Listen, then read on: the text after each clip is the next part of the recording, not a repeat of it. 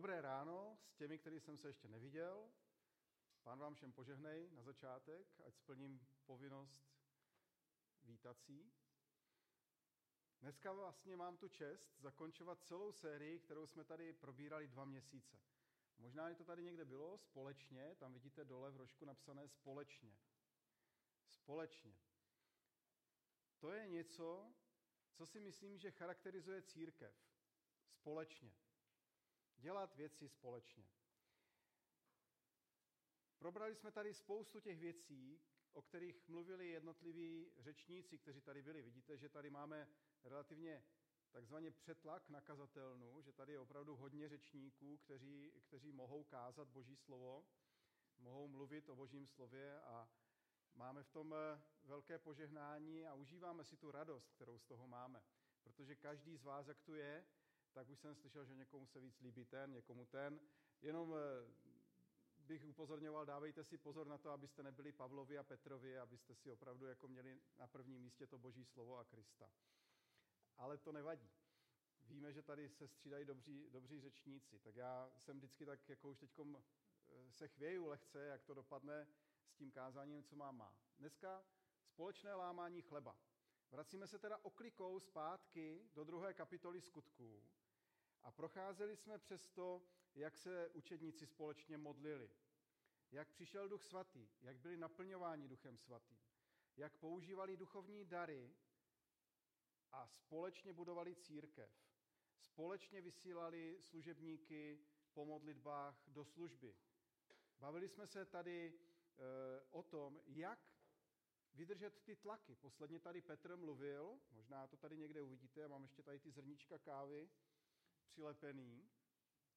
Moc pěkné kázání o tom, jak když se dostáváme do toho presu, tak teprve z nás vyleze to nejlepší, že ta káva potřebuje rozemlít a teprve pak z ní je něco dobrého. Že jo? Tak dneska se vracíme zpátky úplně na začátek eh, knihy skutků apoštolských do druhé kapitoly a máme před sebou jenom dva verše. Ten 46. a 47. z druhé kapitoly. Kluci je tam mají, možná to pustí. A tam je psáno. Denně zůstávali jednomyslně v chrámě. Po domech lámali chléb a přijímali pokrm s veselým a prostotou srdce. Chválili Boha a byli oblíbeni u všeho lidu. A pán k jejich společenství denně přidával ty, kteří byli zachraňováni.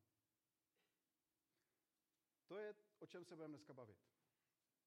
Jak už jsem řekl, to nosné téma společně by se dalo také říct česky být spolu. Oni byli spolu. Církev je neustále spolu. Proto se tady dneska modlíme za Ukrajinu, protože nám to není jedno, že na Ukrajině jsou křesťané. Jsou to naši bratři, jsou to naše sestry. My se za ně modlíme, protože víme, že mají teď těžké období. Že to není jednoduché. Modlíme se za ty lidi. Chceme být spolu. Když jste viděli chválící skupinku, dneska úžasná věc, protože tu byli noví členové chválící skupinky, oni potřebují být spolu. Kdyby byli individualisté a jako individualisté přišli prostě tady, tak by to nebylo dobré. Potřebují být spolu, potřebují mít zkoušky, potřebují vlastně být spolu. To je důležitá věc. I prostě v téhle té věci. Když něco děláme a jsme jakoby na okraji, jsme individualisté, tak nikdy to nebude mít takové požehnání, takový dosah, jako když jsme spolu. Protože to, když jsme spolu, tak jednak máme s kým sloužit, na koho se opřít. Nejsme na to sami, ale jednak taky máme komu sloužit. Když jsme totiž sami, tak nevíme, komu bychom vlastně předávali to obdarování, které máme od Pána Boha. K tomu se možná ještě vrátíme. Takže pojďme se podívat na ty dva verše. Je tam napsáný, že oni denně, to znamená vlastně kontinuálně, zůstávali jednomyslně v chrámě. To jednomyslně, tam je použité takové zvláštní slovo, a to se jmenuje v řečtině homotymos. Homo jako společně a tymos jako vášeň. Mít vášeň pro něco, mít společnou vášeň. To je dost zajímavé, protože pro co oni mohli mít tu vášeň v tom chrámu? Proč zůstávali společně v chrámu? chrám bylo tehdy jediné místo, kde se nalézalo Boží slovo. Oni zůstávali společně v chrámu, protože studovali Boží slovo. Měli tu vášeň pro Boží slovo, pro Krista. Ta víra, společná vášeň pro víru v Pána Boha, společná vášeň pro Boží slovo, pro hledání Boží vůle, to bylo něco, co je drželo společně v chrámě. Takže každý den studovali Boží slovo. Každý den měli tu vášeň pro to Boží slovo. To nebylo jenom o tom, že by přišli do chrámu si něco poslechnout, ale oni zvášní studovali Boží slovo. Zvášní byli v tom chrámu. Nebylo to pasivní přijímání, ale byla to aktivní činnost. Když si teda máme brát prvotní církev za svůj vzor, jakože si ji můžeme v mnoha ohledech brát, tak tohle je jedna z těch důležitých vlastností. Mít vášeň, která nás spojuje. Vášeň k Bohu, k Božímu slovu. To je jedna z věcí. Dále po domech lámali chléb. Měli společné jídlo. Lámání chleba. Společně jedli. Jedli po domích. To je další věc. Ten obraz po domích znamená vlastně v církvi. Protože po domích byla tehdy prvotní církev. Oni v církvi se scházeli u jednotlivých lidí v domě a tam společně jedli. Dnes se to vytrácí. Společné jídlo v rodinách je něco, co se dostává hodně na okraj. Jsme v chvatu, jsme v běhu, mnohdy jeden eh, pojí někde jinde než ten druhý z té rodiny a málo kdy se scházíme ke společnému jídlu.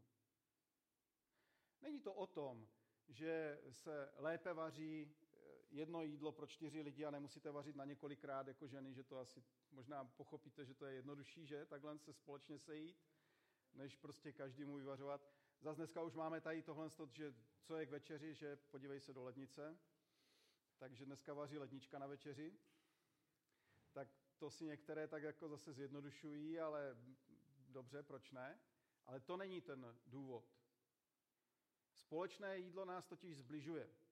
Společné jídlo je ten prostor, kdy si můžeme společně vykládat. Kdy si můžeme říkat, co jsme zažili ten den. Co nás oslovilo, co nás trápí, z čeho máme obavy a za co bychom potřebovali třeba se přimlouvat nebo jenom si o tom povykládat. Mít společné jídlo.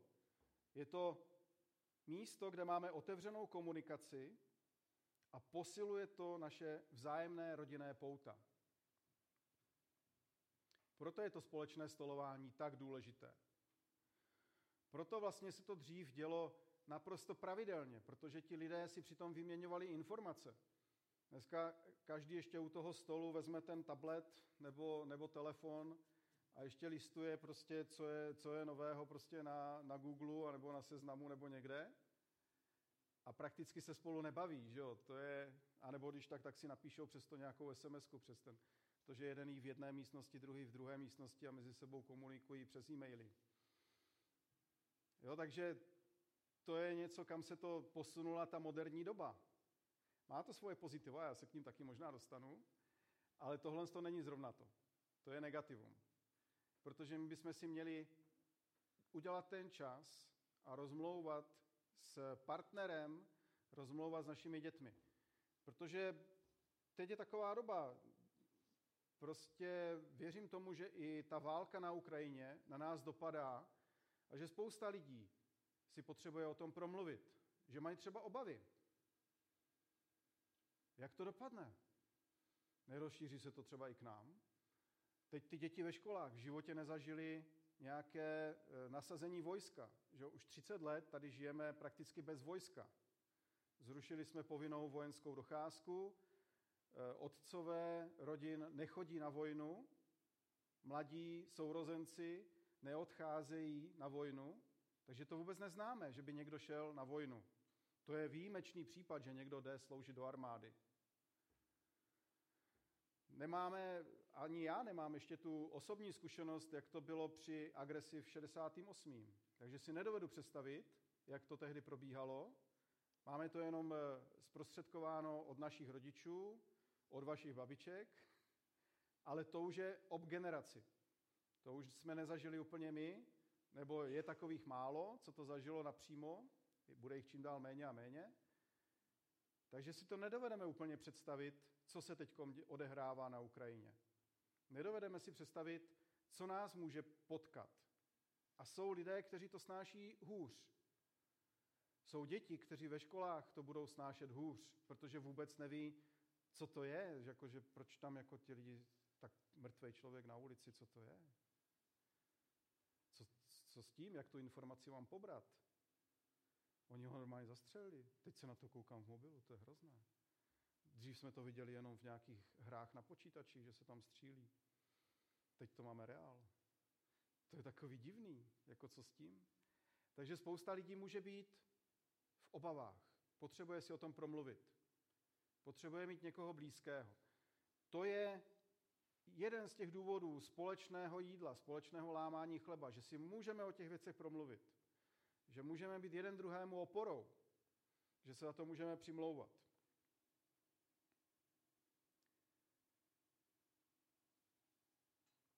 A další věc, která je v tom verši, že když lámali ten chléb a přijímali pokrm, tak to dělali s veselým a prostotou srdce. Což je zajímavá věc, prostě eh, když jíme, tak to není vlastně nějaká formální, strohá záležitost, hele, musíte být tichou jídla, tady se nemluví, to nás někdy tak napomínali naše rodiče, jo, jídla se přece nemluví, ticho, jo, sněz to, až to sníš, tak potom se můžeme bavit. Tady to popisují trochu jinak a já si myslím osobně, že by to mělo být i trochu jinak, že to jídlo je prostě radostná část toho dne.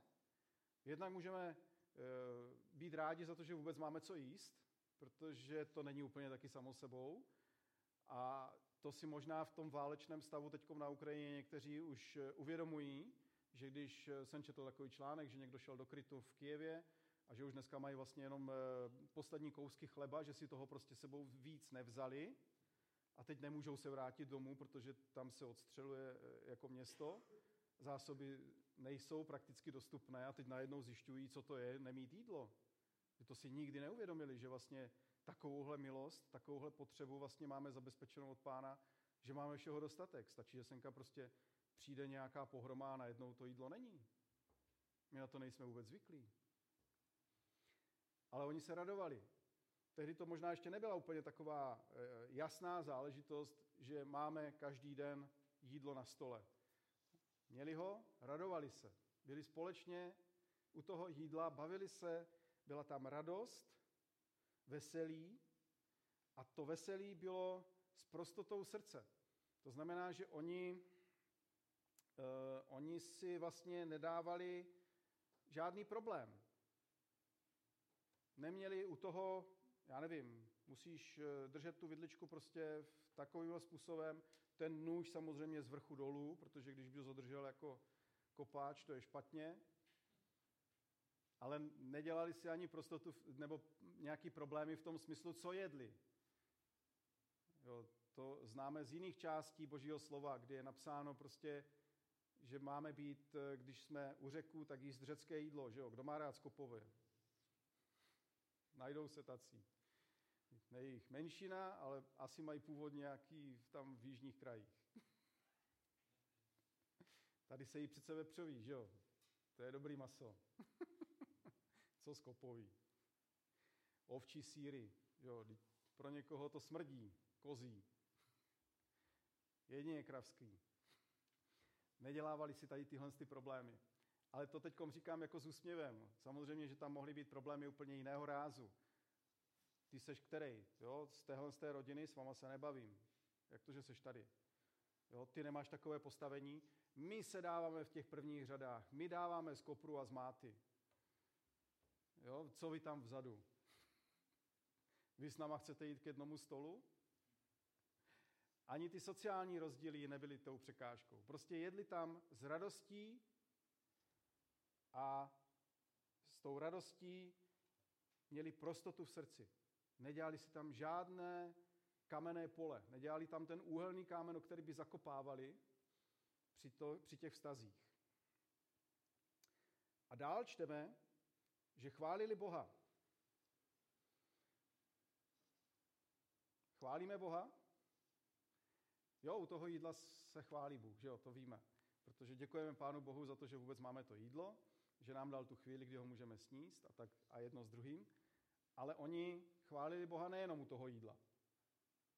Oni chválili Boha obecně. Mnohdy na to zapomínáme. Přicházíme před Boha jenom s prozbou. Nechválíme ho. Kde se to vytrácí? Kde se vytrácí taková ta chvilka, kdy říkáme, Bože, já ti děkuju za to všecko, co mám. Ty jsi dobrý Bůh. My víme, komu věříme, víme, co jsi pro mě udělal. Já ti děkuji za to, co jsi pro mě už udělal v životě. Jakoby překračujeme tuhle tu fázi chválení Boha a přicházíme k Bohu a řekneme, bože víš, dneska já bych potřeboval to nový auto. To starý se mi rozbilo. Nebo pane, ten náš syn, ten mě tak jako nakrknul dneska, jako, jo, udělej s ním něco. Přicházíme jenom k Pánu Bohu s tou prozbou. Kde je chválení Boha? Mnohdy jsou křesťané z jiných náboženství označováni jako za ty, kteří škemrají u Boha, kteří jsou jenom škemrající. Tak to ale nebylo. Oni chválili Boha. Chválili Boha. Tady není napsané, že by teda neprosili Pána Boha o něco, ale oni ho hlavně chválili. Věděli za co. Věděli, z čeho je dostal. Věděli, kam směřují, co jim Bůh všecko zaslíbil. A byli oblíbeni u všeho lidu. To být oblíbení u všeho lidu je zajímavá záležitost. Protože mm, čím si myslíte, že vlastně může být člověk oblíbený u ostatních lidí? Někdy je to tak, že když eh, rozdáváte hodně peněz a třeba pozvete celou hospodu na panáka, tak v tu chvíli jste oblíbený, že jo? Jakmile vám peníze dojdou, tak eh, ta obliba trošičku klesá. A to může být nejenom tím, že pozvete někoho, že prostě něco, něco někomu dáte, tak jste oblíbení. A jakmile přestanete dávat, tak ta obliba ochladne. To se hodně často děje. Je to na té materiální rovině. Ale oni nedávali a přesto byli oblíbení. Co tam je teda za ten klíč, který vlastně je v tom, aby oni byli oblíbení u všeho lidu? No, eh, to bychom se museli kouknout do starého zákona, proč to tak je. A přečteme si z přísloví, kluci to tady možná promítnou, z přísloví eh, třetí kapitolu, začátek té třetí kapitoly, kde to je napsáno. Tam je psáno, můj synu, nezapomínej na mé poučení, ať tvé srdce střeží moje příkazy. Vždyť ti přidají dlouhá léta a roky života i pokoj. Milosrdenství a věrnost, ať tě neopouštějí. Přivaž si je ke svému krku, napiš si je na tabulku svého srdce. Tak nalezneš milost a oblibu v očích božích i lidských. Důvěřuj hospodinu celým svým srdcem, nespoléhej na svou rozumnost. Takže ten klíč, proč byli oblíbení, a je to úplně stejný, když se podíváte třeba na Krista, který ve 12 letech přišel do synagogy. On potom vyrůstal a byl oblíbeným dítětem mezi lidmi. A ta obliba, jak v božích očích, tak v těch lidských očích, je v tom, že milosrdenství a věrnost nás neopouštějí Boží, protože si přivazujeme boží příkazy na krk a na srdce.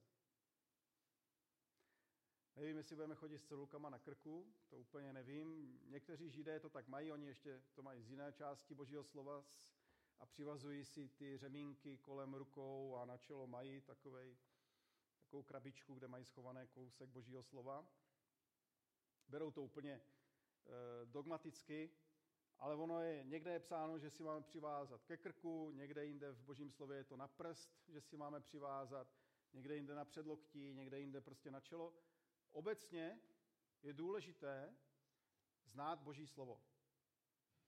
Z toho, jak oni byli v tom chrámu, každý den vlastně studovali boží slovo, tak potom ho byli plní.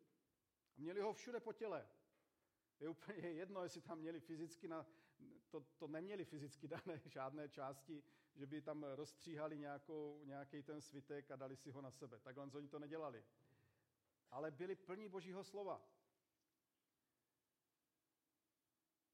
A nezapomínali na boží poučení. A v srdci střežili příkazy boží. Dělali vše, co po nich Bůh chtěl podle božího slova. A když takovým způsobem žijete, tak ti lidé to uvidí. Jednak se to líbí Bohu samému a jednak ti lidé uvidí, jak žijete a budou mít k vám větší důvěru, větší úctu a budou přicházet třeba a říct, hele, jak to tam vlastně je, řekni mi, já v tom životě prožívám teď takovouhle situaci, mohl bys mi poradit? Já vím, že ty to řešíš ve svém životě, že ty to máš nastudováno z Božího slova. A dokážeme poradit těm lidem podle Božího slova, anebo podle vlastních představ. Co máme v srdci? Svoji rozumnost? Anebo hospodina? Už to tam není. Důvěřuj hospodinu celým svým srdcem a nespoléhej se na svoji rozumnost. Když budeme přinášet boží radu do života lidí kolem nás, tak jak to dělal potom i Kristus, tak budeme ti, kteří jsou lidem milí. Nejenom Pánu Bohu, ale i lidem. Byli oblíbení u všeho lidu.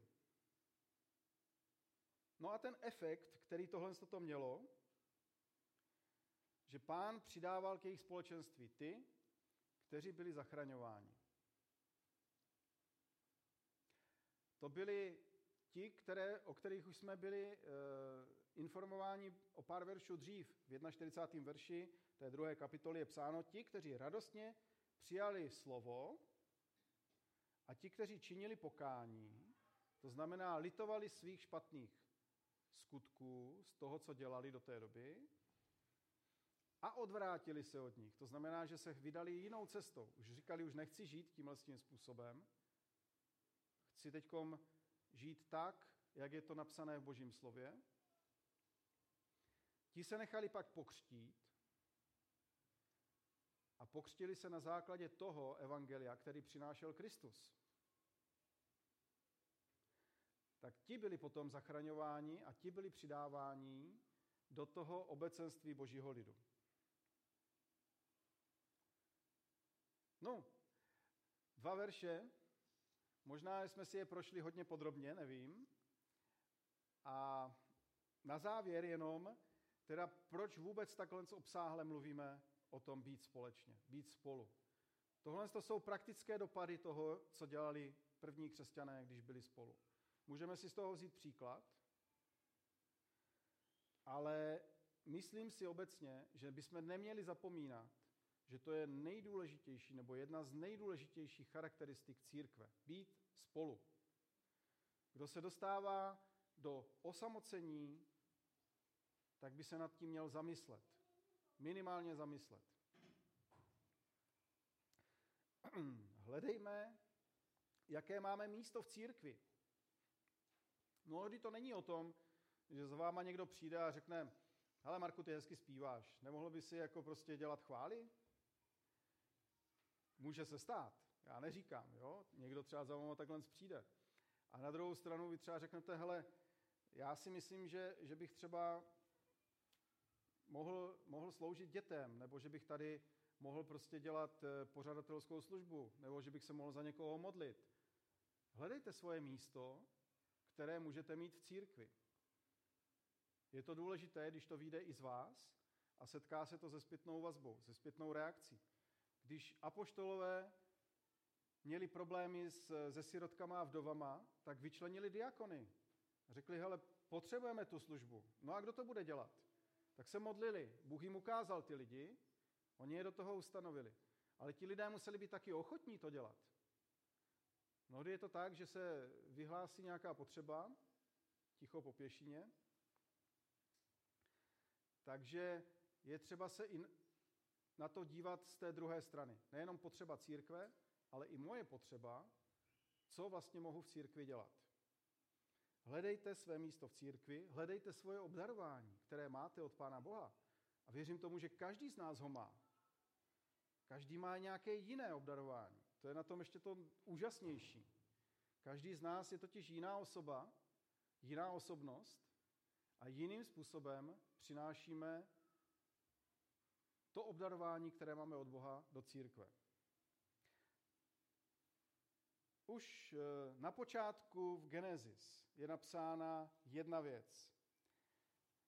V 2.18 říká hospodin, Bůh, a říká, není dobré, aby člověk byl sám, osamocen. Na to konto Bůh učinil z Adamova žebra. Jako jemu oporu, podporu a společnici, s kterou společně byli na zemi. Bůh sám řekl, není dobré, aby člověk byl sám. A na základě toho společného Bůh vytváří taky církev. My jsme individuální jednotky církve. A každý jeden z nás má svoji úlohu v církvi, jen je třeba ji najít. A kdyby vypadnul z té církve, tak ta církev to pocítí. Ta církev to bude cítit, že prostě chybí zrovna ta jedna jednotka. Tak v tom ať vám požehná Bůh, ať hledáte svoje místo u Pána Boha, ať víte, proč je tak důležité být tady spolu, být společně v církvi a možná se u toho zamyslíte a třeba si dneska uděláte společnou večeři doma. Je to taky jeden z důvodů, proč vlastně děláme společně kavárničku. A jak nám to moc chybělo, že ta kavárnička prostě nemohla být, když byl covid. A tak se snažíme ji co nejdřív vlastně se obnovit. I dnes budeme moci být společně v kavárně. A já jsem tomu moc rád. Protože to není jenom o tom, tady si něco povykládat, nějakým způsobem být před boží tváří, je to úžasná věc, ale já chci si povykládat s někým osobně. S někým, o kom vím, že prostě se za něho třeba můžu přimlouvat, nebo já mám pro něj nějaké slovo, nebo prostě mám nějaké pozbuzení, nebo prostě si jenom tak povykládáme, jak ten život eh, prostě běží s náma, co pro nás Bůh dělá nebo nedělá. To je život v církvi. Tak v tom, ať nám požehná Pán. Amen.